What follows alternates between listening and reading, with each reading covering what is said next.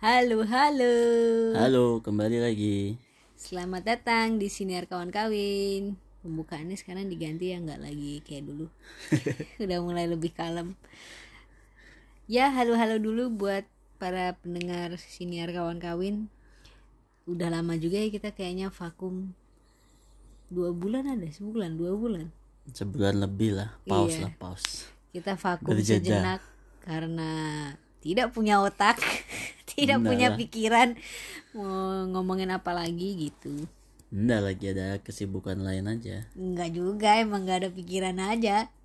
Iya nggak sih? Aku ada kesibukan lain Oh iya, aku capek. lagi nggak ada pikiran. ya pokoknya begitulah. Nah terus hari ini kita mendatangkan episode baru. Obrolan kali ini kita membahas tentang uang. Ya, hubungan kita masing-masing dengan uang ya. Pokoknya tentang uang, uang, uang dan uang. Iya, iya, iya. Oke lah. Ya, nanti kita lanjutkan kita kasih jeda dulu ya.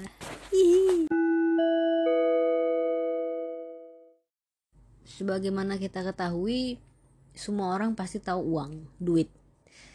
Duit itu atau uang itu bisa dibilang sebagai apa namanya? alat tukar.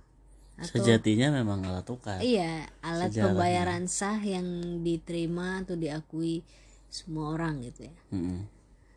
Kalau dulu ada emas, sekarang ada uang. Nah, terus eh, semua orang pasti hidupnya berhubungan dengan uang. Pernah lah seenggaknya berhubungan dengan uang. Ada juga sih orang-orang yang akhirnya memutuskan untuk hidup tanpa uang itu ada-ada aja gitu. Walaupun berhasil atau enggaknya kita nggak tahu. Nah, terus sekarang kita mau bahas soal kehidupan kami berdua nih Iya. terkait dengan uang itu sendiri itu banyak hal-hal yang membuat kami merasa membicarakan uang itu menarik gitu ya pada dasarnya emang membicarakan uang selalu menarik ya Ya, susah habisnya sih kalau tentang uang pasti memang. iya Walaupun ya kadang-kadang bisa jadi terlalu sensitif dan mungkin menyinggung segala macam, tapi ya itu sih. Ya cukup kompleks tapi ya penting untuk dibicarakan. iya. Kayak apa ya? Ya pokoknya dalam apalagi apa diri sendiri aja tuh harus memikirkan punya pikiran yang apa namanya pikiran yang terencana ter- terhadap uang gitu. Apalagi kalau udah dengan hubungannya dengan orang lain harus ada diskusi juga tentang uang gitu Ya. Nah kan kita orang pada dasarnya mengenal uang pertama kali pasti dari orang tua dong. Ya. Nggak mungkin ujuk-ujuk lahir terus dia tahu langsung itu uang gitu kan. Pasti dari orang tuanya lah. Ya entah orang tua kandung entah bukan yang jelas yang merawat dia pertama kali itu. Nah berarti kan karena mengenalnya dari orang yang orang tua itu berarti kan ada hal-hal yang kemudian diajarkan sama orang tua mengenai Ya. uang ke anak-anaknya gitu. Nah kalau kalau kamu apa yang paling kamu ingat yang diajarin orang tua tentang uang? Lumayan banyak sih. Yang sengaja diajarin ya? tapi kalau dari yang simple sih sebenarnya ini lebih kayak apa ya kebiasaan tapi berkaitan sama uang sih kayak ngasih tip gitu. Hmm, ngasih tip ke ngasih tip ya ya, berbagai apa ya ngasih lebihan gitu ya. ke bukan berbagai sorry. Maksudnya ke orang-orang lain yang mungkin kita nggak kenal tapi secara nggak langsung bersinggungan sama kita hampir setiap hari gitu. Entah itu driver ojek lah apalah atau Pokoknya orang yang melakukan sesuatu buat kita gitu, iya ya ha. kan? Jadi kita ngasih dia tip atau bonus lebih karena Iya, udah melakukan sesuatu buat kita gitu kan? ya bisa dibilang gitu sih atau mungkin ya di tempat makan atau di mana kayak gitu itu salah satu yang ya aku terima dan aku coba terapkan juga sih Hmm. sebisa mungkin Terus apa lagi? apa ya terus paling yang diajarin ya ini bukan Iya, yang iya. kita pelajarin kan iya yang diajarin. kalau yang diajarin apalagi ya selain itu ya ya ini sih lebih mungkin karena udah tertanam ya kalau udah gede harus bekerja gitu Hmm. jadi ya salah satu cara utama untuk mendapatkan uang itu kerja gitu jadi aku apa ya bisa dibilang lumayan masih berat lah untuk lepas dari itu dan mencoba bisnis atau apa kayak gitu. Jadi emang kayak Hmm. pemikirannya masih ya kerja ikut orang lain atau perusahaan lain yang penting digaji. ya bisa lebih bisa meng- stabil gitu. bisa mengerjakan itu dengan baik dan gajian yang stabil gitu. Jadi kayak itu diajarin gitu. orang tua gitu. Kalau mau dapet duit harus kerja gitu ya diajarin eksplisitnya sih. Aku udah banyak yang nggak inget lah tapi Hmm. kalau dari yang kulihat ya kayak gitu. Kan apa? Hmm, itu kan yang kamu pelajari dong berarti. Yang diajarin secara langsung tuh nggak ada yang ini. Nggak ada yang eksplisit banget gitu. Tapi salah satu yang aku nggak setuju ya eh, kartu kredit buat dana darurat itu aku nggak setuju. Itu itu salah satu contoh yang diajarin dan disebut langsung dan aku nggak setuju. Terus ya makin ke sini juga makin banyak yang sebenarnya aku nggak setuju kayak eh, rumah itu investasi gitu. Ya, ya, Ya, itu aku nggak makin ke sini aku makin nggak setuju. Hmm. gitu. Ya bisa di obrolin lebih lanjut atau nanti atau gantian dulu dari kamu gimana? Kalau sih yang aku inget banget diajarin sama bukan orang tua ya. Eh sama orang tua tapi bukan dua-duanya. Ibuku yang paling ngajarin bahwa apa menabung itu penting gitu. Hmm. jadi dia ngajarin anak-anaknya buat nabung. Sempetin lah harus nabung gitu. Di kan tabungan itu di sekolah dulu juga ada tabung nabung kan diwajibkan untuk nabung. Tapi besarannya terserah kita gitu. Nah ibuku tuh selalu berlomba-lomba supaya jadi penabung terbanyak dulu di zaman sekolah. Jadi anak-anak rajin Keren dong. nabung sekali nabung harus banyak biar menang apa namanya penabung terbanyak. Aku lupa dapat hadiah apa juga. Jadi aku nggak tahu motivasinya nabung terbanyak di sekolah itu emang biar saldonya banyak atau apa namanya? Dapat voucher kan iya apa mengejar hadiah aku juga nggak tahu ya. Pokoknya itulah diajarin nabung. Nah selain di sekolah di rumah juga diajarin. Jadi setiap anak itu dikasih celengan lah. Aku ingat dulu tuh celengannya tuh dari apa kaleng-kaleng obat Cina yang udah kosong gitu. Kan itu tinggi-tinggi tuh besar-besar pakailah pokoknya setiap anak ini harus uang jajan harus disisihin buat nabung nih gitu. Pokoknya harus kalian harus ada nabung ntar di akhir bulan gitu atau enggak di akhir akhir sekolah gitu akhir masa sekolah kan biasa naik naikan kelas dihitung bareng bareng gitu. Ntar siapa yang paling banyak dapat hadiah gitu. Sama juga kayak di sekolah gitu. Jadi emang kayaknya motivasi kita dari kecil tuh nabung du, nabung gitu untuk dapat hadiah gitu loh.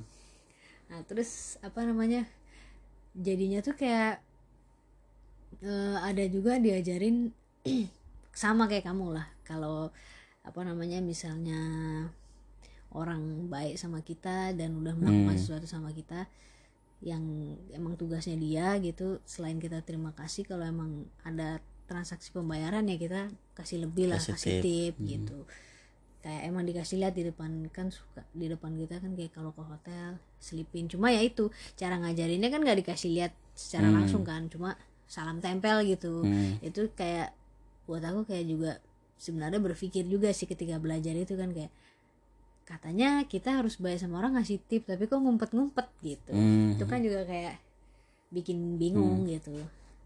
Jadi kebiasaan kita juga gitu kalau ngasih orang tip tuh kayak malu-malu takut-takut gitu. Hmm. Tapi diajarin untuk itu kan bingung juga ya iya sih gitu. makanya abis itu apa lagi ya yang diajarin langsung tuh ya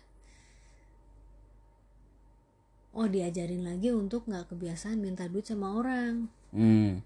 jadi kalau ya sama sih kayak kamu kalau mau dapet duit usaha dulu ngapain Hmm. gitu cari nilai yang bagus dulu kek gitu kan. Misalnya belajar yang rajin dulu rajin-rajin bersih rumah dulu ntar baru dikasih duit gitu. Nggak nggak kita "Eh, minta dong buat jajan gitu. Iya nggak apa ya nggak bisa minta gitu. minta ujuk-ujuk dapat minta ujuk-ujuk dapat tuh nggak ini. diajarin tuh kayak oh mau beli ini udah kamu bersih bersih rumah dulu gitu.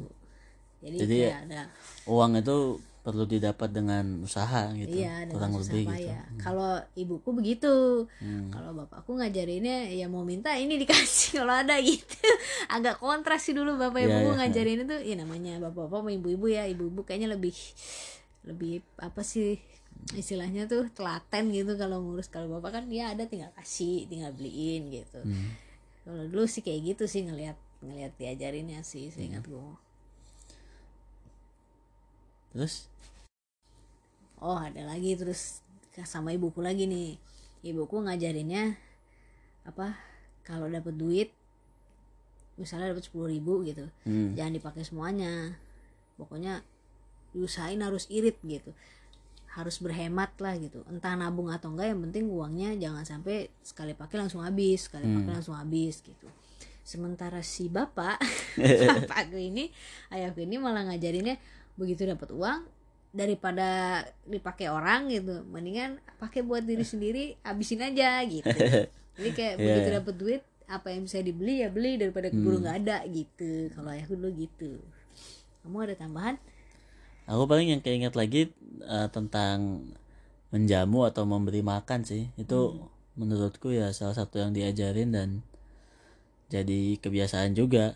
Mungkin kalau diinget-inget ya dari zaman kuliah sih kayak ya di kosan tuh pasti ada aja cemilan atau makanan atau minuman apa. Jadi kalau ada temen main terutama yang teman dekat tuh pasti ya ada aja lah yang bisa dicemil bareng-bareng gitu. Berarti ini kaitannya sama duit tuh harus menyempatkan menggunakan uang memberikan sesuatu yang bisa menjamu orang gitu ya? Iya apa? Maksudnya apa ya Eh kayak buat beli makanan itu kan jadinya dari duit jadi uang makanan buat uang buat nyenengin orang gitu kan. Bukan buat nyenengin orang sih intinya uang buat makan kita pribadi sama yang eh, sering berada di sekitar kita tuh cukup gitu loh. Jadi ya mungkin sampai sekarang masih kebiasaan juga sih dan ya puji Tuhan masih cukup cukup aja gitu. Jadi yang ada di rumah itu ya bisa cukup buat berapa orang gitu. Hmm. lebih dari yang ada di rumah biasanya gitu jangan jadi nggak apa ya. Ya ya bersyukur itu sih belum sem- pernah sampai kelaparan banget lah gimana. Jadi ya emang kebiasaan itu. Kadang-kadang kalau pas zaman dulu kuliah sih sebenarnya kalau sama teman-teman deket ya ya bisa gitu apa eh, ada acara apa syukuran makan bareng gitu. Ya ke, ke kerjaan juga kadang-kadang kebawa sih. Hmm. Kan kerjaan apa lagi ada proyek apa syukuran tumpengan kayak gitu bareng-bareng. Itu ya eh emang nggak jarang pakai duit sendiri dan menurutku sih nggak apa-apa gitu. Apa kayak ya bener-bener makan bareng sama tim terdekatku itu menurutku sih menyenangkan gitu. Hmm. itu yang diajarin dan ya aku coba terap- terapin juga sih. Gitu Nah kalau aku berarti beda ya. Eh enggak, kalau dari ibuku gitu. Maksudnya ibuku juga apa namanya dia sangat royal sama orang sekitar dia gitu. Dia suka ng- ngasih tip juga suka gitu. Habis itu kayak itulah menjamu-jamu orang, ngasih-ngasih orang makanan kayak gitu gitu. Ya kontrasnya lagi dengan bapakku tuh yang tadi itu pentinginlah diri sendiri dulu kalau dia tuh gitu gitu. Jadi kayak ada duit ya dipakai buat senengin diri sendiri dulu lah gitu baru ngasih-ngasih orang itu pun kalau ada sisanya. Sebisa mungkin jangan sampai ada sisanya.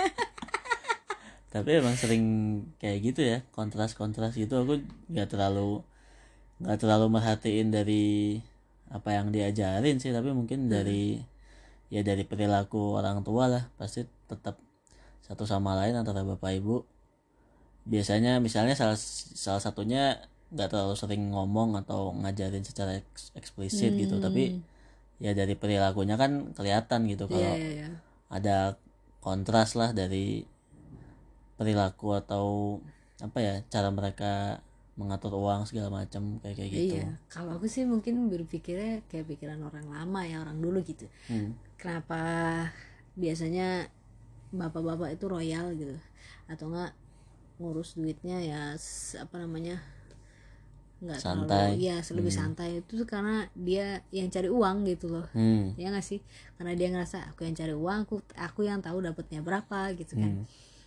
terus aku yang capek ya mau aku pakai suka-suka aku yang nggak apa-apa dong gitu. Buat nyenengin diriku sendiri kah keluarga aku kah gitu. Sementara kalau ibu-ibu kan biasanya aku nggak tahu sih apakah lebih banyak mana suami yang kalau begitu gajian ngasih duit semuanya ke istri entar istri yang ngatur lagi duitnya tuh ke mana atau suami yang ngejatahin ngasih. Jadi ketika gajian dia ngejatahin ini duit bulanan ini gitu.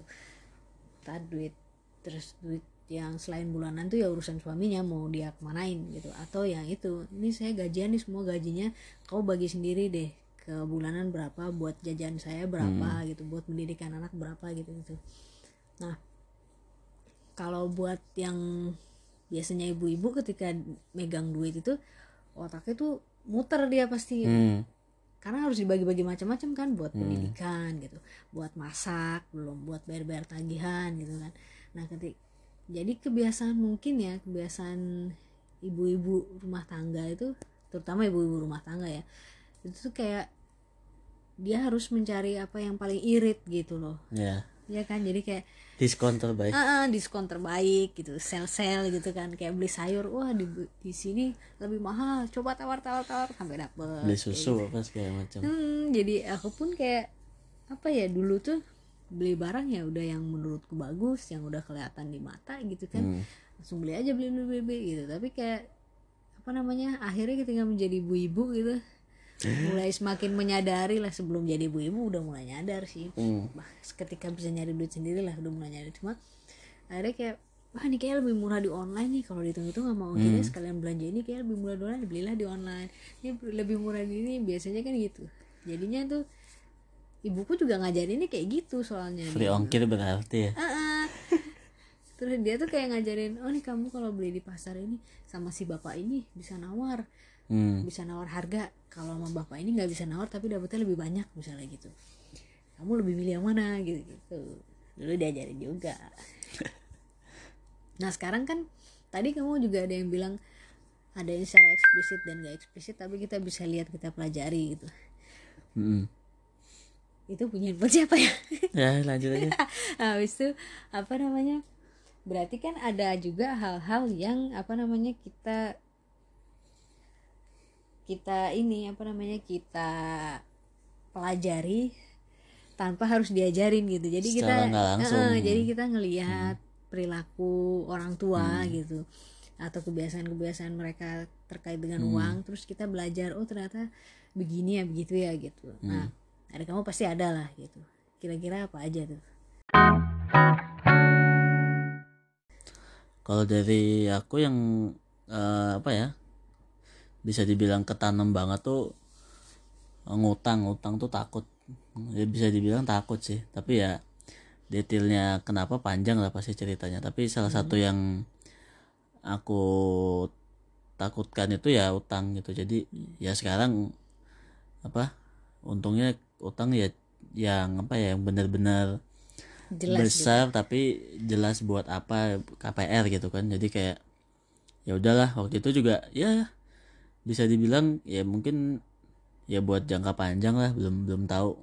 Belum tahu banyak hal yang belum diketahui waktu itu gitu loh. Jadi ya ya salah satunya itu tadi kayak apa ya pemahaman kalau ah, rumah itu investasi harganya naik terus segala macam gitu. Ya kan kita lihat sendiri 2020 ya harga rumah juga pada turun walaupun mungkin ya tetap tetap relatif mahal tapi harga rumah ya nggak nggak naik naik terus gitu kan jadi buat ngutang itu mikir-mikir mikir-mikir banget lah. Kalau nggak apa ya kalau nggak bener-bener penting banget terus ya nggak nggak tahu atau nggak yakin gimana balikinnya gitu.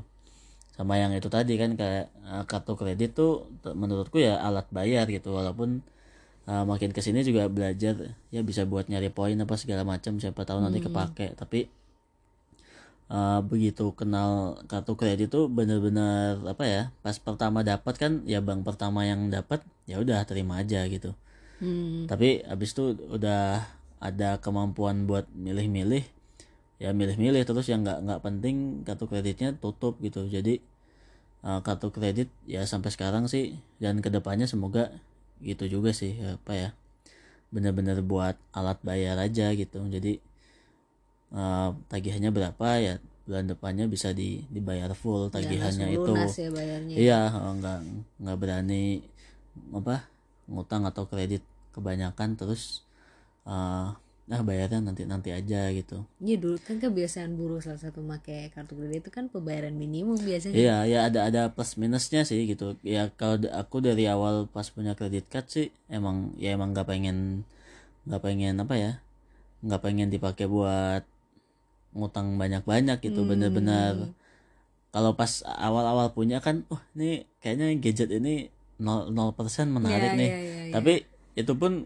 seingatku sih aku nggak pernah yang lebih dari enam bulan 0% nya gitu dan itu aku tahu apa ada porsinya lah gitu kan ya belajar sana sini juga kayak ya aku kadang-kadang kasihan juga sih mungkin orang tua aku nggak ngerti kan porsi utang dari penghasilan kita sehatnya berapa segala macam gitu jadi sampai sekarang ya masih ya apa ya angka 30% tuh sebisa mungkin di bawah itulah gitu jadi kayak Porsi utang ya.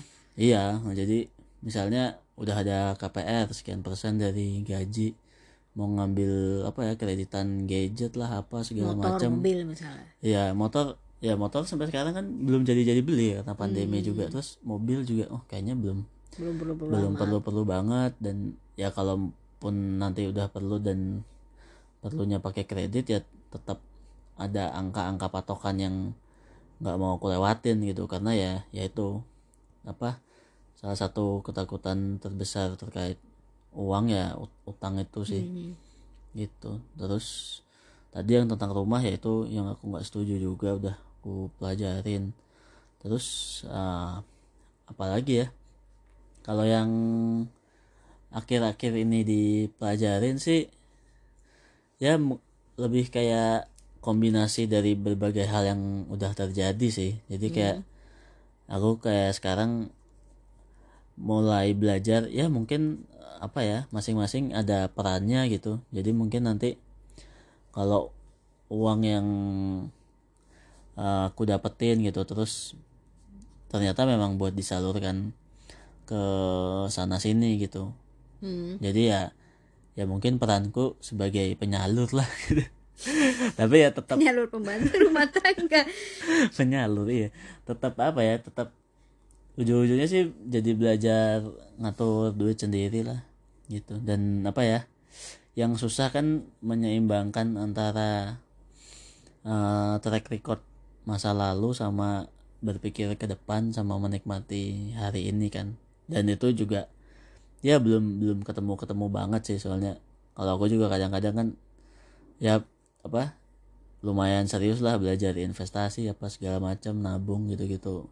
Berbagai instrumen investasi tapi ya yang apa ya ada hal-hal yang pengen ku nikmatin hari ini ya ada juga lah apa musik kayak kayak gitu. Terus makanan minuman yang yang kayak kayak gitu sih masih tetap berusaha nyeimbangin gitu. Dan itu ya ya belajar sendiri dan ini juga sih ngelihat perilaku orang tua. Kan kadang-kadang eh, kontras tuh gitu. Hmm.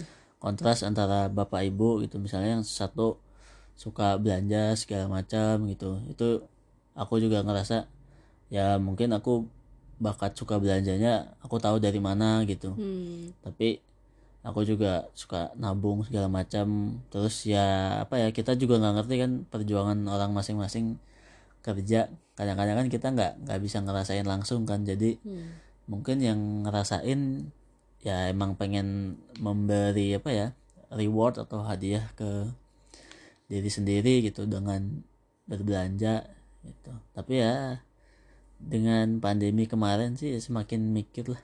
Kalau ke depannya udah dapat duit lagi sih apa emang tetap pengennya ya diatur sebaik mungkin yaitu buat menyeimbangkan masa kini dan masa depan gitu. Sebenarnya ya pengen apa sih nggak terlalu khawatir gitu kan. Hmm. tetap ada sisi spiritual yang yakin ya sebenarnya kita berkecukupan dan berkelimpahan gitu. Tapi ya tetap aja itu rasa berkecukupan dan berkelimpahan itu kayak apa ya adep-adepan atau ya Berbenturan. berbenturan dengan uh, cemas gitu. Kalau wah nih kalau kurang buat rumah gimana ya? Kalau kurang buat ini itu gimana ya? Kalau ke depannya misalnya ada anak atau apa gimana ya? Gitu Tet- tetap ada aja ketakutan itu apalagi dengan berbagai hal yang sudah terjadi lah kayak gitu. Soalnya kan harus apa ya ini aku juga ya mungkin lebih banyak berasumsi sih karena kadang-kadang ngobrol sama orang tua kan susah kan gitu. Kita pengen coba obrolin uang gitu kesiapan mereka pensiun gimana itu juga banyak yang abu-abu gitu. Dan itu juga jadi salah satu sumber kecemasan juga. Jadi ya apa ya mau nggak mau sebagai anak kan gimana ya? Jadi berat juga ngomonginnya. Hmm? kayak serba salah. ya bisa dibilang serba salah iya tapi ya apa ya? Ya namanya orang tua kita juga mau nggak mau sebisa mungkin kita harus bantu. bantu gitu. Hmm. yang kayak kayak gitu sih yang pelajaran-pelajaran berat dan ya akan terus-terusan sih menurutku karena belum inilah belum akan selesai. Tapi terkait utang itu juga sih kayak aku juga belajar dari orang tua ya. Kalau ibuku selalu ngajarinnya tuh kalau sebisa mungkin jangan minjem duit sama orang apalagi sama keluarga gitu. Hmm. Sama sama orang lain aja termasuk keluarga itu jangan gitu. Apalagi keluarga bahkan karena buntut-buntutnya bakalan jelek kan jadi kalau kita nggak mampu ya udah gitu. Nggak usah Ya, dipaksa gitu. kalau nggak mampu ya jangan maksa beli. Kalau emang kemampuanmu segitu ya nggak usah sok-sokan pengen bergaya dengan barang-barang bermerek gitu lah istilahnya kan. Jadi kayak aku diajarin buat ibuku tuh menghindari. Itu yang kayaknya membuat aku apa namanya agak males dengan barang-barang bermerek gitu. Bukan awal-awal kayak kita pacaran gitu kan aku nggak pernah kan pakai barang hampir nggak pernah pakai barang bermerek-merek mewah gitu kayak sepatu Nike Adidas itu nggak pernah aku pakai gitu. Hmm. baju lah harus celana lah Levi's gitu misalnya nggak lepis kan itu aku nggak pakai gitu. Nah sementara di satu sisi tuh kayak ayahku tuh orangnya yang kayak kalau nggak mampu ibuku kan kalau nggak mampu ya jangan gitu. Kalau bapakku kalau nggak mampu ya pinjam dia tuh ngajarin gitu kalau nggak mampu ya pinjam gitu. Kalau belum mampu ya coba pinjam. Kalau nggak pinjam barangnya sama orang pinjam uangnya buat cari barangnya gitu. Nah jadi kan kayak tapi dari dari apa dari kelakuan ayahku gitu salah satunya yang apa apa suka minjem gitu kan. Hmm. malah akhirnya mengajarkan aku untuk takut minjem. Karena kan nih, kita bisa lihat ya dia begitu apa namanya orang ketika minjem terus bayarnya macet gitu pasti ada aja kejadian-kejadian yang nggak enak gitu kan. Entah ditagih orangnya tuh nagih sampai kayak orang gila gitu misalnya. Berujung misalnya sampai orangnya lapor polisi lah apa segala macam tuh kan menimbulkan traumatik yang enggak enggak gitu. Iya. bahkan hal sesederhananya aja tuh kita misalnya minjem sama keluarga gitu diomongin jelek jadinya kan gitu. Itu aja udah nggak enak kan jadi tiap ketemu diomongin jelek lah digosipin lah apa segala macam gitu. Nah itu membuat aku jadi sangat tidak mau ngutang gitu. Sama sekali tuh hampir nggak mau ngutang. Bahkan kayak hal-hal kecil kayak minjem duit sama temen tuh aku nggak mau gitu. Kalau misalnya makan sama temen gitu duit kurang gitu. Mendingan sekalian minta tuh teman bayarin gitu loh. Ya atau kalau kalaupun memang ya udah dia bayarin dulu. Begitu pulang gitu atau begitu megang uang langsung tuh harus Hmm. balikin. Makanya aku tuh kayak kalau orang kan banyak yang kayak menghindari punya m banking di handphone. Hmm. karena takut apa mau belanja langsung buka m banking gitu. Mau belanja nggak bisa nahan belanja gitu misalnya. Sementara aku menganggap kayak m banking itu penting. Jadi ketika apa uang tunai itu misalnya kurang terus aku dibayarin dulu sama teman. Aku bisa langsung di waktu itu juga aku kembaliin langsung gitu kembali ya pokoknya jangan sampai lupa ngembaliin aja gitu kalaupun emang harus terpaksa dibayarin misalnya tapi kalau enggak ya mendingan sekalian minta kalau gitu daripada ngutang gitu. Nah terus terkait kartu kredit juga menarik tuh karena dulu awalnya aku menganggap kartu kredit itu untuk ya untuk pembayaran darurat gitu. Hmm. jadi kayak kalau aku mikirnya gitu ya untuk pembayaran darurat gitu untuk apa bayar rumah sakit misalnya. Sampai sekarang masih mikir kayak gitu sih. Tapi memang eh, apa fungsi utamanya memang pembayaran gitu Hmm, iya iya Bukan iya iya iya. Tapi kalau utamanya. kalau kalau keluarga aku kan di buku kan kayak kartu kredit tuh kalau nggak penting-penting banget nggak darurat jangan dipakai gitu kan. Hmm, hmm. Sementara kalau apa namanya ayahku itu kartu kreditnya dulu banyak dan dia memakai itu tuh buat tunai gestun, gesek tunai Hmm. gitu loh. Jadi dan lucunya tuh buat gali lubang tutup lubang. Jadi kartu kredit yang ini dia gestun, dia pakai. Terus kartu Hmm. kredit berikutnya dia apa gesek buat bayar kartu kredit yang lain. Jadi numplak Hmm. nimplung numplak nimplung gitu.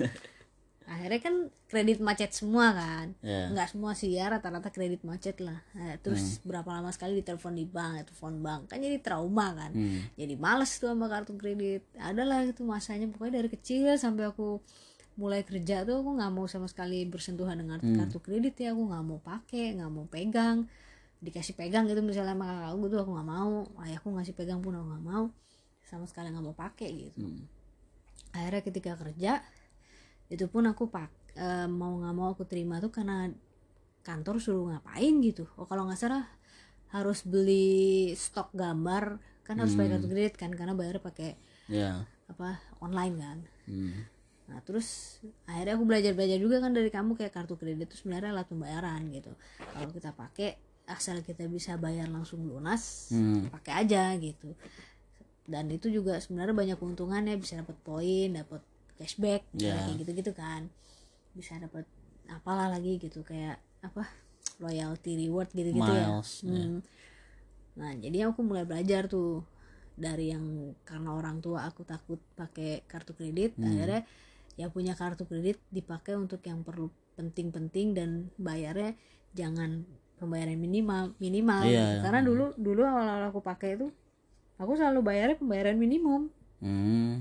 makanya lebih gitu tapi pembayarannya minimum gitu Hmm. akhirnya kok nggak lunas lunas ya rasanya bayar minimum minimum mulu malah kok kayaknya nambah nambah nambah karena ternyata ada bunga kan yang karena aku nggak ya, nyadar kalau kalau gitu. nggak salah kan memang tetap berbunga aku jujur aja juga kartu kredit tuh nggak terlalu ku baca perihal bunga kreditnya segala macam karena memang tujuanku buat buat alat bayar sama ngumpulin poin gitu. Kalau waktu zaman dulu eh, kerja sering urusan sama klien segala macem gitu kan duit taksinya untungnya bisa pakai kredit card kan jadi aku bayarnya belakangan setelah reimburse dari kantor beres segala macam tapi ya apa ya dengan berbagai peristiwa tentang duit segala macam itu memang gak aku lihat eh, tindakan orang tuh memang eh, bukan tindakan sih mungkin sifat yang lahir dari suatu orang tuh bisa beda-beda gitu loh. Suatu orang seseorang.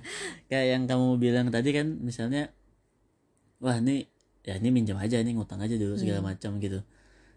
Nah, ya ini kemarin aku karena hasil dari dengerin podcast itu juga sih yang di 30 Days of Lunch. Jadi ya ya bisa aja efeknya tuh kayak eh, kayak kamu gitu. Misalnya wah jadi eh, anti utang segala macam gitu-gitu. Tapi di sisi lain ada juga yang yang ya jadi seperti itu gitu. Ah, Iya, udah iya, ngutang iya, aja iya. gitu. Itu kadang-kadang ya bikin bikin sedih dan tapi ya emang rumit juga sih. Soalnya kayak eh, kalau aku kan ya misalnya dengan berbagai hal yang udah terjadi tuh pas kayaknya pas kuliah deh.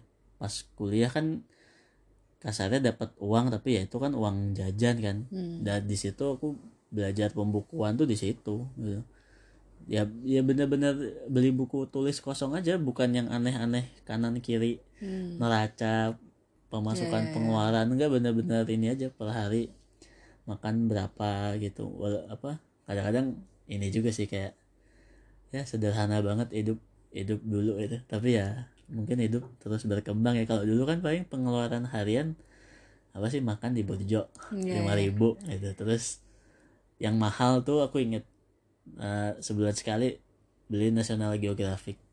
National Geographic tuh di kampus ribu gak sih dulu? di kampusku dulu diskon makanya pikirku wah ini beli aja gitu. Tiga puluh lima ribu gitu. Hmm. jadi kayak apa aku bersyukur sih belajar pembukuan dari situ tuh karena dari situ juga aku jadi tahu kan misalnya pakai kredit card kan ya tetap harus dicatat pakainya berapa. Jadi tetap ada bayangan nanti perlu bayar berapa. Kayak kayak gitu. Dan apa ya yang terkait sama uang nih memang mau nggak mau harus belajar terus ya. Karena segala macamnya cepat gitu gitu kan. Tapi ya ya itu tadi uh, kadang-kadang takut uh, kelewat batas. Jadi pikirannya uang uang uang uang terus Hmm. gitu kan. Nggak nggak menikmati kehidupan segala macam kayak kayak gitu ya aku sih sama pernah mencapai titik benci banget sama duit gitu loh hmm. kayak ini kayaknya sumber masalah dalam keluarga nih duit Hmm, iya. ngomongnya duit mulu duit mulu gitu jadi kayak benci banget sama duit kayak aku mau jadi orang yang jadi dua pilihannya gitu jadi Hmm. orang yang kalau bisa nggak usah urusan sama duit sama sekali atau Hmm. Kalau bisa kaya banget nih biar bisa apa namanya biar nggak usah mikir lagi soal duit Iya. gitu kan. Nah terus apa namanya tapi seiring dengan waktu akhirnya belajar bahwa ya balik lagi benar apa yang dikatain ayahku gitu.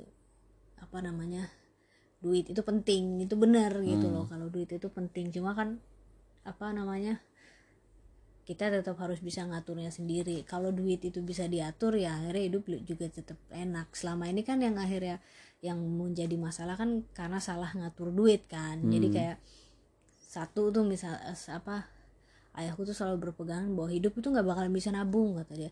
Kalau kita nabung kita kalau disuruh milih nih hari ini kita nggak apa nabung apa makan ya mending pilih makan daripada pilih nabung. Padahal kan Hmm. ya pilih aja dua-duanya. Nah makan tetap Iya, iya. ada Kenapa- tabungannya kenapa gitu nggak dua-duanya? Iya Nah, gitu. Kalau dia kan gitu. Kita kalau selalu bilang gitu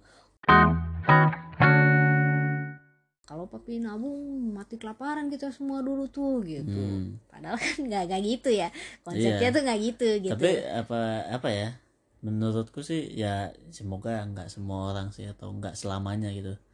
Yang namanya kayak kayak gitu emang harus ada fase kayak apa ya fase sakitnya gitu ya. Hmm, apa kayak ya kalau bahasa kerennya kan menunda kesenangan itu delay Iya. gratification gitu. Sebenarnya kalau mau ngelihat dari sisi spiritual kan ya kita belajar sadar kalau nggak selamanya eh, hari-hari atau hidup itu menyenangkan terus eh, rezeki lancar terus segala macam gitu ya. Kayak hmm. beberapa bulan ke belakang ini kan ya ya udah mungkin emang lagi musim seret dan emang udah saatnya pakai tabungan kayak gitu. Iya aku juga kan ya, mikirnya gitu tapi kan pada akhirnya nabung itu penting gitu Iya, ya, jadi benar, kan ketika penting. ayahku ngomong kayak kita tuh nggak bisa nabung dulu tuh kayak tertanam di otak iya Oh, nih kita iya. nggak bisa nabung nih gitu Hmm. apalagi dapat duit kurang gitu maksud kayaknya kurang mulu kurang mulu Hmm. gitu nggak bisa lah kita nabungin kalau kita nabung kayaknya kurang nggak bisa Hmm. bayar kurang bayar rumah lah kurang bayar inilah kurang makan lah kurang itu gitu kayak ngerasa kurang terus gitu Hmm. padahal tuh ya balik lagi karena cara ngatur aja yang salah ternyata kita nggak bisa mikirin soal nabung gitu. Hmm. ternyata kita nggak membiasakan punya pos-pos pengeluaran gitu. Kayak kalau dulu di Hmm. sekolah kan diajarin tuh nabung itu adalah pengeluaran eh pendapatan dikurangi pengeluaran. Hmm, jadilah sisanya untuk nabung. Ya. Padahal kan makin dewasa kita makin ngerti ternyata nabung dulu. ketika ketika kita dapat penghasilan sekian persennya ditabung dulu baru mulai dibagi-bagi ke pos-pos yang lain gitu nah itu kan tidak diterapkan sama keluargaku ketika itu gitu. Jadi kayak nggak tahu buat nabung tuh kita ngerasanya kurang gitu. Habis itu mungkin yang penting juga adalah bahwa kenapa jadi duit juga jadi masalah ketika di dalam keluarga tuh karena ada ketidakterbukaan antara pa- pasangan terutama Ya, ya pasangan ya soal duit. Jadi ayahku nih nggak pernah bilang sama ibuku gitu. Hmm, gajinya berapa hari ini dapat duit berapa dapat duitnya dari mana dari gitu. mana pokoknya taunya ya dia tipe bapak-bapak yang ngasih Hmm. jatah ke istrinya nih sekian gitu. Udah dia nggak ngasih duit lagi habis itu gitu loh. Tapi kalau misalnya keluar mau beli beli apa gitu. Kadang-kadang dia yang bayarin Hmm. kadang-kadang dia suruh istri yang bayarin. Pokoknya dia udah ngasih segitu biasanya dia nggak ngasih lagi gitu. Kurang atau lebihnya nggak Hmm, nggak bisa maksudnya nggak tahu sebenarnya bisa nambah Hmm. apa enggak karena ibuku tipenya kalau duit kurang dia nggak bakal minta dia diem aja gitu. Hmm, sementara kan kalau orang nggak diminta mungkin nggak tahu itu kurang gitu loh kalau kebiasaan nggak jatah gitu. Nah mungkin eh, ya itu jadi satu masalah juga dia kayak kurang terbuka akhirnya kan hmm, nggak bisa ngaturnya kan. Hmm, satu sisi ayahku nggak pernah terbuka sama ibuku soal duit. Di sisi lain ibuku tuh merasa kayak ini orang nah, duit nggak pernah cerita. Padahal kalau dia suruh gue yang ngatur bisa bener kok nih orang gitu loh. Iya. Soalnya dia udah terbukti nggak bisa ngatur diri sendiri nggak bisa ngatur duitnya sendiri gitu iya tangannya tuh ibu selalu bilang tangannya tuh panas kalau pegang duit panas tuh orang kayak Gatel. kebakaran Wah, maunya ini. dibuang buang buang buang karena nggak tahan pegang duit katanya Hmm. sementara kalau ibu kan sangat ngiket gitu loh Iya. kalau punya duit tuh kayaknya kalau bisa dikencengin iketannya dikencengin gitu jadi kayak jangan dipakai-pakai gitu tapi kan bisa gitu dipakainya buat yang penting gitu loh Iya, iya. gitu. iya dia sebisa mungkin makanya bener-bener buat yang Hmm. penting-penting doang makanya dulu tuh ketika kecil masih masih kecil masih masih sekolah tuh anak-anak dikasih uang jajan juga dikit kalau Hmm. mau belanja tuh selalu dia temenin Hmm. gitu jadi terus ya itu diajarin misalnya mau beli ini ini ini sama bagusnya tapi ini lebih mahal ngapain beli aja Hmm. yang murahan atau enggak ya mungkin sampai sekarang tertanam di aku juga ini dengan uang segini yang ini kamu dapat satu ini dapat tiga ini mereknya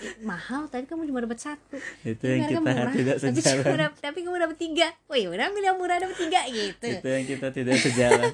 Walaupun sampai sekarang tuh masih begitu tuh mementingkan kuantitasnya atas kualitas. Apa yang uh, aku jadi keinget lagi tuh apa ya yang bikin rumit tuh kan kayak kita sekarang ini kan uh, kita ya puji syukur lah bisa transparan segala macam gitu gitu dan apa bisa mencoba uh, lebih baik dari segala yang udah kejadian Hmm. gitu yang jadi masalah kan ya kayak kita ini kan terbentuk dengan bagaimana kita dibesarkan segala macam Hmm. lingkungan kita gimana terus kayak mungkin aku uh, hidup sendiri walaupun dapat dapat duit bulanan ya tetap belajar ngatur duit sendiri segala macam nah yang jadi masalah kan uh, ya semoga bukan masalah besar sih masalahnya orang tua kita kan juga dibesarkan dengan cara yang berbeda dan segala Iya, macam iya, dan iya. dan itu tertanam di mereka makanya pas kemarin aku dengerin podcast yang iya iya 30 iya, days offline tuh ya aku ngerasa ya emang ada benernya banget sih kayak apa ya jadi ya itu bener-bener lingkaran kayak setan ya bukan lingkaran setan sih kayak rantai gitu kayak eh, kamu dibesarkan dengan cara A B C D gitu hmm. terus hasilnya X Y Z Hmm. gitu nah belum tahu nih nanti kita kalau punya anak akan uh, membesarkannya gimana gitu dan hasilnya juga mungkin beda juga kan gitu Hmm. sama juga kayak orang tua kita dibesarkannya dengan cara DF gitu nah hasilnya juga ya kayak tadi bisa bercabang kan bisa Hmm. jadi apa benci duit eh, loyal sama duit terus jadi ada yang jadi suka buang-buang duit terus ada yang memang yang apa ya kayak misalnya yang di podcast itu dibahas juga eh, misalnya ngelihat eh, bapak ibunya waktu kecil sering lihat bapak ibunya ngelembur kerja segala macam. Jadi yang tertanam di pikiran orang itu oh kayaknya emang nyari duit susah, ya Susah. segala macam harus kayak gitu. Jadi ya udahlah aku emang mungkin harus lembur kayak gitu. Tapi bisa jadi ah apaan sih nih eh, orang tua sibuk cari duit terus nggak ada waktu buat anak gitu. Jadi Iya, iya, hasilnya beda banget. Makanya wah ini emang apa ya ya rumit dan pelik gitu. Walaupun akarnya sebenarnya uang itu alat tukar gitu. Jadi kayak Hmm. yang yang ironisnya menukar kebahagiaan gitu misalnya kan. Iya sih. Iron ironisnya di situ kan. Jadi yang tadi kamu bilang ya itu, it- itu transparansi penting juga sih. Apalagi kalau udah mau hidup bersama dengan orang lain segala macam gitu. Kayak ya kayak dari dulu juga apa ya salah satu dampak masalah uang tuh juga aku juga ju- jujur aja nggak terlalu mikirin pacaran gitu. Hmm. karena wah ini apa kalau menurutku kan pacaran dan berhubungan dan akhirnya suami istri ya harus transparan kan termasuk uang. Apalagi salah satu yang ya yang kamu bilang itu salah satu biang masalah kan uang. Iya, jadi karena kurang terbuka soal duit. biaya balik itu tadi kayak oh mungkin orang tuaku mengajarkan buat nggak terlalu transparan gitu. Tapi itu bertolak belakang dengan apa yang aku pelajarin dari ya ya. perilaku mereka gitu. Menurutku ya mending transparan aja gitu. Jadi bisa nggak hidup dengan gaya dan perilaku seperti ini gitu? Hmm. atau eh, ya udah itu daripada jadi masalah di kemudian hari gitu kan. Tapi Hmm. ya transparansi itu penting sih. Ya diawali dengan transparansi de- dengan diri sendiri kan. Iya. Gitu kayak ya kayak sekarang ini kan apa mempelajari sejarah kita dengan uang gitu. Oh ternyata sumbernya dari sini. Oh sifat-sifat ini ya nggak nyalain orang tua sih tapi secara nggak langsung oh sifat yang ini dari cara kita dibesarkan sifat yang ini dari ternyata orang tua aku ada tendensi kayak gitu juga tuh. Ada tendensi boros apa segala macam ada atau kayak tadi kan tendensi oh ketat banget men- Ya, ya. mengutamakan kuantitas. Dan diskon dan Ya. free ongkir gitu kan.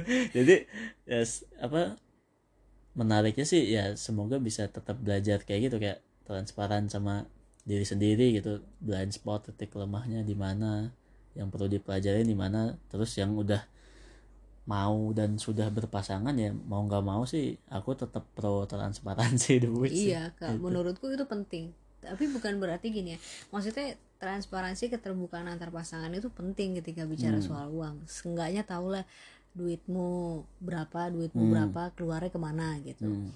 dan ada kesepakatan misalnya duit ini mau siapa yang ngatur mau Ya, mau, mau hmm. siapa ngaturnya apa gitu ada kesepakatan itu nggak harus kayak ini kita transparansi ya uangku adalah uangmu utangku adalah uang utangmu kayak ajaran agama gitu Eh, ya nggak harus gitu menurutku ya secara logika sih kayak nggak nggak Hmm. Ka- harus uangku uangmu kalau mau gitu sebenarnya eh uangku apa-apa uang Hmm. uangku uangmu uangmu uangku gitu ya Eh, gimana sih pokoknya pokoknya, gitu. utang utang kita bersama uang uang kita bersama Iya. gitu maksudku apa namanya secara logikaku aja ya Hmm. bahwa itu penting untuk membahas itu tapi nggak nggak otomatis jadi begitu karena Hmm.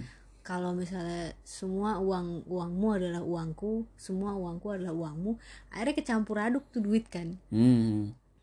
apalagi utang jadi utang bersama itu sangat berbahaya. Suatu hal yang menakutkan. Soalnya menurutku kayak utang itu kan tanggung jawab orang yang ngutang ya kalau sampai dibagi-bagi tuh utang kan kurang ajar aja gitu. Hmm, mau apa- itu orang terbaik eh terdekat kita atau siapa pun gitu. Apalagi ya aku nggak tahu kalau kamu ya. Kalau aku sendiri kan aku ngerasa terdampak gitu dengan, dengan Iya. utang keluarga gitu. Jadi kayak wah makanya itu ya ini kita nggak tahu sih udah cerita apa belum di podcast yang tentang nikah tuh kan. Hmm. makanya apa aku pro prenup kan ya karena Ya, itu ya, kan. ya. sebisa mungkin utang yang dibawa sebelum nikah itu ya eh, urusanmu gitu. Wala- walaupun itu cuma KPR dan waktu itu aku karyawan kan. Hmm. sebenarnya nggak terlalu apa ya nggak terlalu inilah nggak terlalu krusial gitu. Soalnya kalau yang aku baca-baca uh, prenup itu krusial banget kalau wirausaha apalagi gitu. Oh, ya, wirausaha kan bener-bener bawa nama sendiri kan. Nah Hmm. itu kalau nggak ada prenup ya bener-bener kayak misalnya aku usaha apa uh, boba gitu. Terus Hmm. bobanya terus aku nikah nggak pakai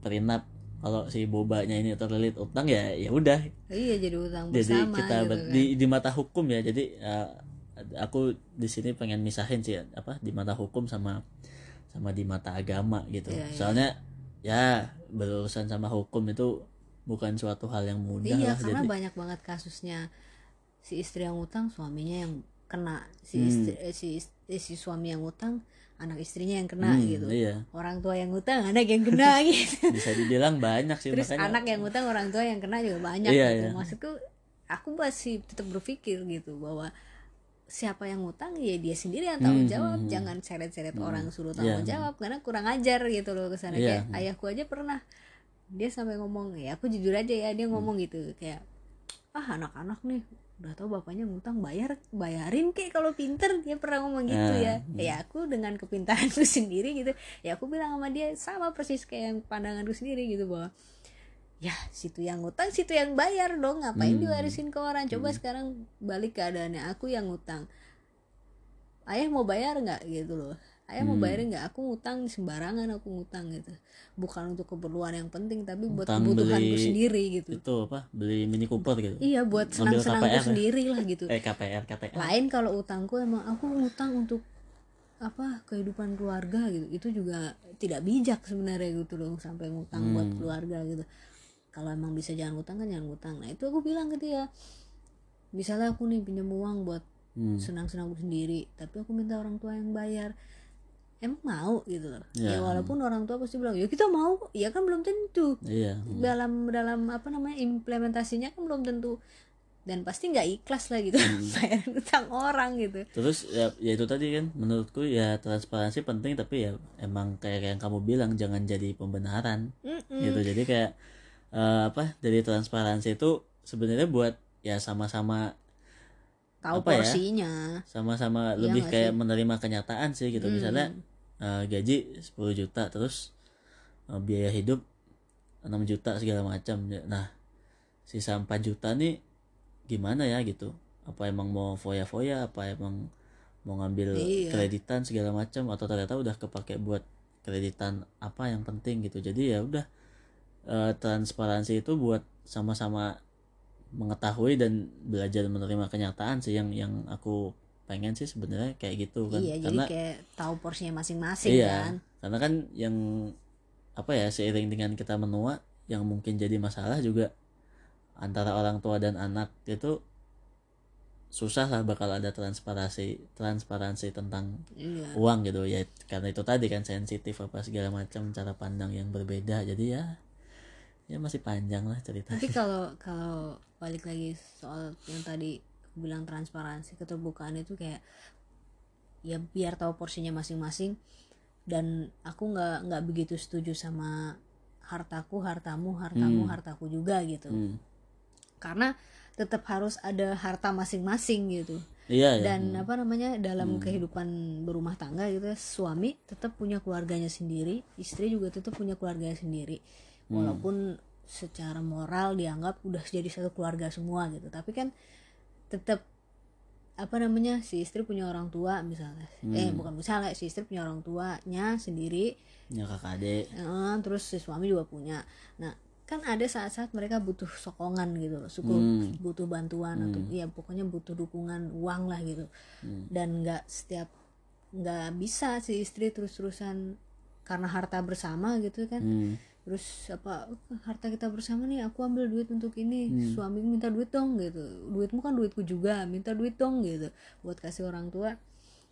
Alangkah baiknya kan kalau punya sama-sama tetap punya pegangan sendiri juga. Dia di ada yang buat bersama ada yang buat sendiri. Jadi ketika dia mau keluarin buat orang lain kah buat dia belanja sendiri kah di waktu-waktu yang mendesak misalnya gitu dia nggak perlu nunggu apa namanya buat minta dulu apa segala macam gitu loh. setelah dia pakai mungkin atau sebelum dia pakai mungkin minta izin doang bilang "Eh, ini aku orang tua lagi butuh duit nih gitu aku kasih pinjam dulu ya tapi duit duit sendiri gitu Hmm. bukan duit sama-sama ya mau pakai duit sama-sama juga nggak apa-apa sih cuma kan kayaknya aku tetap merasa pakai duit sendiri tuh lebih enak gitu loh walaupun duit sih. iya maksudnya walaupun mungkin sumbernya dari pemberian suami ya gitu loh. kayak aku sekarang kan lagi nggak kerja nih misalnya ya suami udah ngasih kamu gitu udah ngasih aku duit ya berarti itu duitku kan karena udah Hmm. sengaja kamu jatahin ke aku gitu yang ini buat belanja ini buat misalnya kamu buat nabung kayak buat jajan buat Atur-atur. seneng-seneng ya Nah itu kan udah hakku berarti itu udah jadi duitku kan Hmm. Karena kamu udah ngasih gitu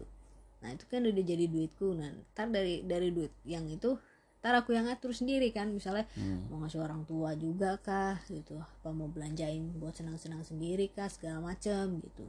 Ya, Kayak gitu-gitu sih Dibandingin semuanya harus bareng-bareng Rekening bersama gitu. Misalnya kan kayak repot sendiri ntar menurut rekening gitu sih. bersama perlu sih tapi aku tetap apa ya lebih percaya kalau eh, setiap rekening tuh ada tujuannya sih. Tapi ya itu Hmm, Iya iya. another story for another time lah. Soalnya kayak eh, yang nyambung yang kamu bilang tadi ya menurutku mengatur keuangan tuh skill yang perlu dimiliki semua orang sih. Jadi entah kalaupun udah berpasangan ya itu perlu bisa ngatur sendiri-sendiri kan. Terus ya makanya sekarang juga ya aku juga sambil belajar invest ini itu juga aku coba pelan-pelan ngenalin ke kamu kan. Sebenarnya kayak apa ya tetap ada ketakutan. Itu tuh ya itu bisa jadi bahanan bahan podcast yang lain sih. Kayak tetap ada apa kepikirannya nih yang mati duluan siapa ya? Gitu gitu. Soalnya kayak apa ya kalau mati bareng-bareng itu kayaknya suatu kejadian yang tragis banget dan gak alami. Aku mikirnya gitu. Ya Ngerti nggak? jarang-jarang ya alami. kan kalau apa mati bareng ya apa kebanyakan nonton film juga kali ya bisa kecelakaan Iya, apa iya. segala macam gitu-gitu kan tapi di sisi lain itu menakutkan tapi mungkin itu keadaan yang baik gitu loh kalau Kalau kayak Bicentennial Man itu bagus tuh. Kayak film Bicentennial tahu, Man itu. tahu. Dia robot.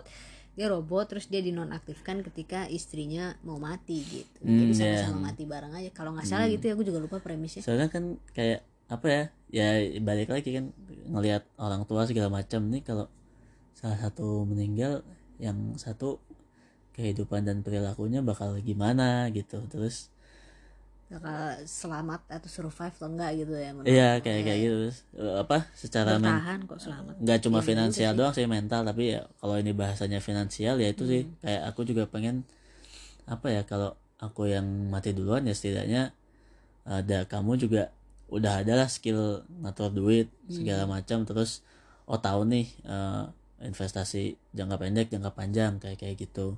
Terus apa ya makanya itu apa masing-masing tetap perlu punya punya skill sendiri gitu kan. Ya udah banyak lah anekdot atau mungkin fakta-faktanya bisa dicari. Kayak orang yang uh, tiba-tiba dapat warisan terus tiba-tiba dapat uh, lotre gitu. Terus cuma maksudku apa numpang lewat. karena nggak ada kemampuan apa untuk mengatur uang baik itu mengkonsumsi terus mengkonsumsi ini maksudnya dipakai buat hiburan apa segala macam terus investasi alokasi segala macam. Kalau nggak ada skill itu begitu dapat uangnya juga ya nggak bertahan lama gitu Iya, kan ya banyak berita-berita sama anekdot yang uh, menang lotre atau yang waktu apa sih penggantian tanah itu. penggantian tanah segala macam gitu. Yang dia beliin mobil Mungkin yang- yang kayak parkir gitu. Yang kelihatan mobil gitu tapi kita juga nggak tahu kalau memang siapa tahu bapak ibu itu bisa ngatur du- duit lah masuk ke deposito apa Hmm. saham segala macam gitu. Yang aku takutkan kan gitu kalau nggak ada skill ngatur duit gitu. Dan ya itu perlu dilatih terus sih. Iya. Makanya ya ya itu tadi aku juga tetap setuju kayak selain ada dalam tanda kutip uang masing-masing ya masing-masing juga harus ada skill ngatur duitnya itu. Iya iya Gitu. ya jadi sih mungkin kesimpulannya kalau tentang keterbukaan keuangan itu sama yang tadi kamu bilang kayak tadi kan sempat kamu ngomong di podcast pernah dengar di podcast bahwa ya kita belajar dari orang tua kita yang kita dapat kayak gini ABCD yang kita dapat X Y Z. Orang tua kita juga belajar dari orang tuanya. Dan ya lingkungannya dapatnya belajar dari apa dapatnya apa gitu misalnya. Nah itu sih terus sama hubungannya sama pasangan. Nah itu sih menurutku kuncinya adalah kompromi. Yang penting mau diskusi dan kompromi ketika menghadapi problematika keuangan gitu atau enggak ketika mendidik masalah uang gitu. Mungkin kalau aku pikirannya kita gitu misalnya. Kita kan mau memutus mata rantai yang buruk tentang duit kan dari generasi sebelumnya. Hmm. jadi ketika misalnya kita punya keturunan nah mungkin di keturunan itu bisa kita didik untuk ya kalau masalah uang nih satunya terbuka satunya punya skill gini-gini juga harus bisa kompromi. Jadi misalnya ketika si anak ngerasa belajarnya dari kita kok begini begini begini dia mau ngomong gitu loh ini Ya. kok kayak begini sih? Gitu. Nggak harusnya begini begini ya gitu. Misalnya ngatur duit tuh bukannya harusnya gini atau enggak mah misalnya ah mah bunda gitu. Misalnya. Bunda bunda eh, apa kayaknya tren tahun ini tuh soal duit tuh misalnya tren soal investasi ini kayaknya kayak gini gini gini atau nggak Hmm. penggunaan duit kayaknya udah nggak zaman tuh nyebut rumah sebagai investasi properti. Ini kayaknya yang Ya. sekarang tuh berlaku gini gini gini oh iya juga belajar bareng lagi mau kompromi. Kuncinya sih menurutku di situ. Hmm, nikah udah nggak perlu resepsi ya. Nah misalnya gitu kan. Ini udah nggak zaman nih nikah nggak perlu resepsi mama. Ya misalnya ngomong gitu, bunda ini nikah tuh nggak perlu resepsi bunda. Jadi cuma yang penting diresmiin aja. Nanti misalnya mau merayakan pestanya bareng-bareng lihat duitnya dulu. Mungkin bisa pesta privat bersama teman-teman terus duitnya langsung buat kontrakan atau yang jangka panjang aja beli rumah kan beli ya mobil atau untuk ya jalan-jalan tabungan gitu. buat uang sekolah anak yang ya harganya Wah, selalu kalau anakku meningkat. ngomong gitu kamu pintar. Nikah saja 10 kali. Harganya selalu meningkat lebih tinggi dibanding inflasi jadi ya kayak iya. men. Kuncinya itu sih kompromi. Soalnya aku tuh kayak balik lagi oh, ngomongin soal utang ya benar-benar kayak trauma sama utang sih jadi kayak nggak mau banget. Aku tuh saking nggak pengen yang utang tuh dan didikan ibuku yang juga sebisa mungkin nggak minta duit tuh ya jadi tuh sama orang tua aja tuh aku enggan banget terima uang dari mereka ketika aku udah bisa cari uang ya. Hmm. ketika zaman kerja tuh bahkan ketika kuliah aja tuh saking aku nggak pengen aku tahu kuliah tuh mahal gitu loh. Hmm. saking aku nggak pengen apa namanya nerima uang lagi dari orang tua gitu maksudnya ya ya ya yang ngomong jelek itu apa namanya berutang budi terlalu banyak sama orang tua gitu berutang duit lah gitu akhirnya aku tuh kerja sambil sambil kuliah tuh aku kerja gitu loh supaya dapat uang buat bayar kuliah sendiri kayak gitu gitu itu tuh kayak saking takutnya sama utang gitu loh dulu tuh. Oh, itu pe- pengalaman kuliah yang menarik sih. Soalnya kayak aku ya nggak tahu ya entah orang tua aku yang emang pengennya gitu dan aku juga merasa oke dengan itu ya ya udah disuruh belajar ya belajar gitu. Jadi mm, apa waktu itu syukurnya nggak ada tekanan secara langsung untuk nyari duit tapi ya nggak kepikiran juga nyari sampingan segala macam. Tapi ya itu sih ada pelajarannya masing-masing. Aku belajar ngatur duit kamu belajar nyari duit.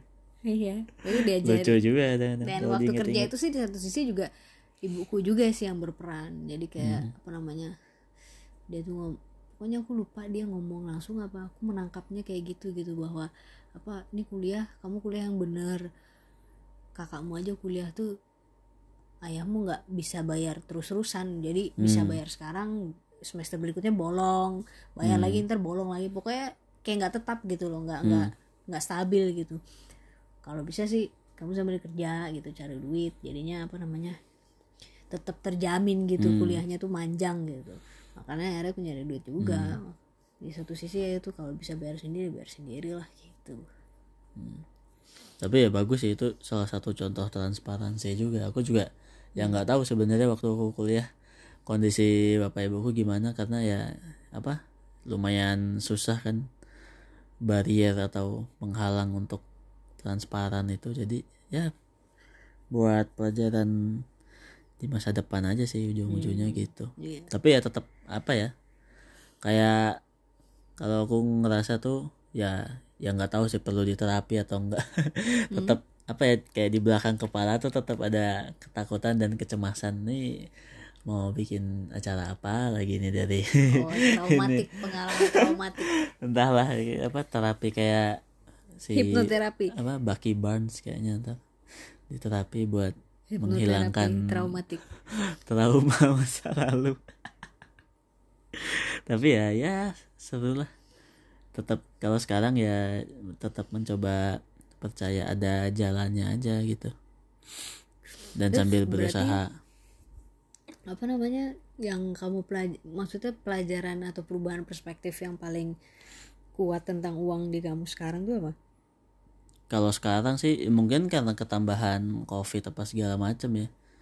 Jadi ya apa ya uang itu alat bantu lah alat bantu untuk untuk apanya itu sebenarnya ya nggak ada yang spesifik gitu. Karena apa ya menye- menyeimbangkan antara egois buat diri kita sendiri sama eh, kita mau mikir ke depan terus sama ad- apa yang ada di sekitar kita gitu. Kayak bisa lihat eh, apa ya tiba-tiba dapat eh, satu juta gitu. Terus di dalam pikiran tuh kayak oh ini eh, bisa nih kayaknya jajan 100 ribu aja terus 200 ribu bisa ditabung di pos ini kayak apa aku tuh tahu gitu loh mau, mau di pos nabung buat apa aja tuh aku tahu mu- entah karena kebiasaan atau Ya, gimana ya. tapi aku tahu gitu. Tapi ya itu tadi di di belakang kepala tuh kayak ada "Ah, ini kira-kira nggak ketebak apa ya dan bakal sebesar apa ya? Jangan-jangan yang nggak ketebak ini lebih dari satu juta gitu. Jadi kayak Iya. dapatnya berapa ternyata ya emang cuma lewat aja gitu. Ya ya cukup masih cukup rumit sih perspektif tentang uang sekarang tapi secara garis besar sih kayak aku nerimanya eh ya tetap belajar percaya kalau ya berkecukupan berkelimpahan. Nih sekarang aja bisa rekaman podcast gitu. Ya nanti kalau apa rezekinya udah masuk lagi ya ya mungkin masih berperan sebagai penyalur ke mana gitu ke orang-orang terdekat Hmm, segala macam. Penyalur aja sekarang.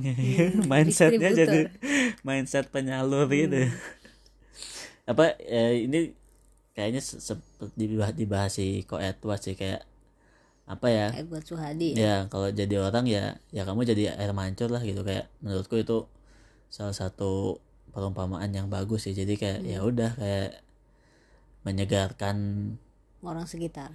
Tapi ya sebisa mungkin buat diri sendiri juga gitu. Iya. harus harus diri sendiri dulu kan terus air mancur itu gimana sih konsepnya? Kan memancur untuk orang lain. Ya tapi kan di dalam diri juga tetap Sudah mengalir segar ya. iya Ya, sudah ya. segar Oh, iya, jadi iya. Masuk filosofinya, iya, masuk. air mancur gitu jadi oh ya ya mungkin harus dipandang seperti itu gitu Hmm. dan apa ya ya ada naik turunnya juga sih air mancur kan Hmm. daripada kita ngelihatnya seperti eh, keran oh ini harus di inilah keran ditutup tutup tutup ntar meledos ya kan maksudnya apa sih kalau kalau keran kan kayak apa? Kamu tutup gitu kan? Ah, Iya kan? Ya air kayak mancur kan juga kalau nggak mau dimancurin bukan, dimatiin. ya, lu, lu nggak nyambung sih yang ini Iya, tapi apa air bersamaan gagal. Maksudnya oh ya air mancur kan ya, mema- memancurkan kan? Jadi kayak oh kalau keran kan ngucur aja gitu. Jangan jangan cuma jadi gelas doang nampung doang gitu. Oh bukan keran berarti gelas ya? Iya, gelas. jadi ya jadi air mancur lah jadi ya benar-benar menyegarkan. Berlimpah ruah. Hmm, amin. Amin amin. Kalau kamu?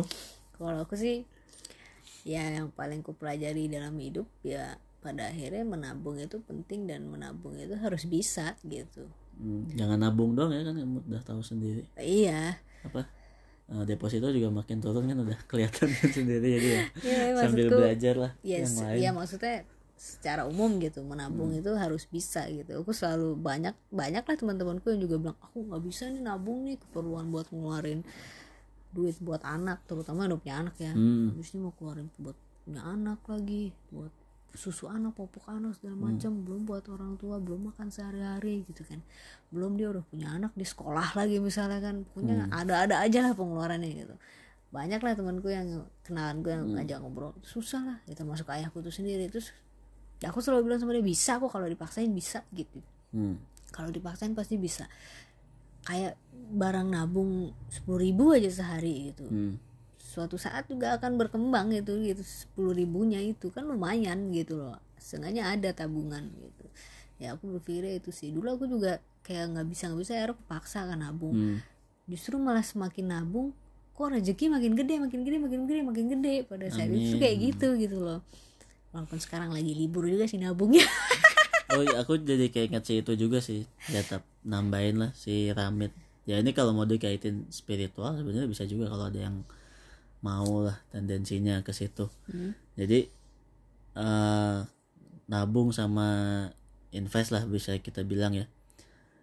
Emang perlu dipelajarin sebisa mungkin pas duitnya kecil gitu. Jadi kayak aku bersyukur pas kuliah itu aku uh, belajar buat nabung itu dari kuliah gitu dari duit jajan yang ratusan ribu terus di tahun keberapa kan akhirnya aku bisa ya ke Jakarta satu dekade yang lalu kan.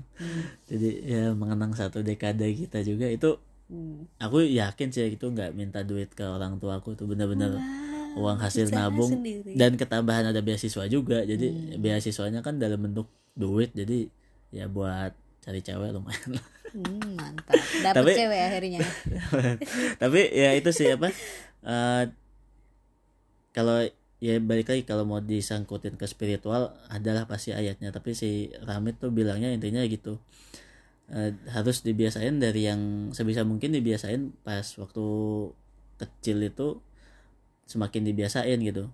Karena kalau udah apa ya yang diatur dengan penghasilan yang kecil udah kebiasaan. Ya, ya, nabung ketika dan nabung ketika gede itu lebih lebih mudah ininya Hmm. ada adaptasi atau mengembangkan tabungan itu Iya, gitu. dibandingkan eh, kayak misalnya apa ya kalau dulu aku emang pas setahun pertama kerja emang udah pikiran menabung tapi apa nggak nggak spesifik gitu nggak nggak rapi lah tabungannya.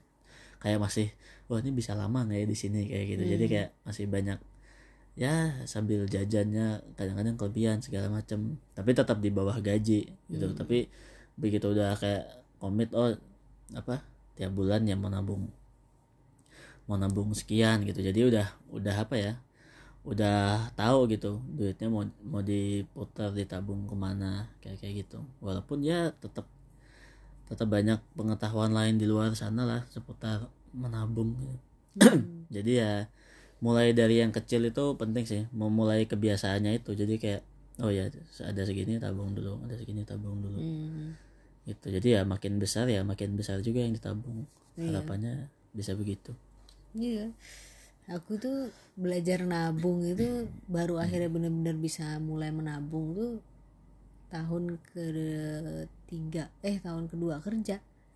Ya abis pacaran sama kamu itulah lama-lama akhirnya belajar beneran akhirnya ngerti gitu loh. Oh belajar nabung tuh gini gini ada pos-posnya segala macem. Akhirnya berusaha buat nabung tuh ya bahkan setelah aku keluar dari kantor lama aku itu baru aku bisa nabung. Hmm. lu gajinya kecil juga sih karena bingung nabung gimana? Iya sih ya tapi ya semuanya prosesnya lah. Mm-mm. oke lah ya kayaknya Udah itu cukup dulu panjang udah dan- cukup panjang kayak sampai sekarang. Itu sampai batuk. Udah satu satu jam kayaknya kita membahas soal duit. Itu si bapak juga udah mencet-mencet bisul di kaki lagi. Hmm. ya pokoknya soal duit memang tidak pernah ada habisnya.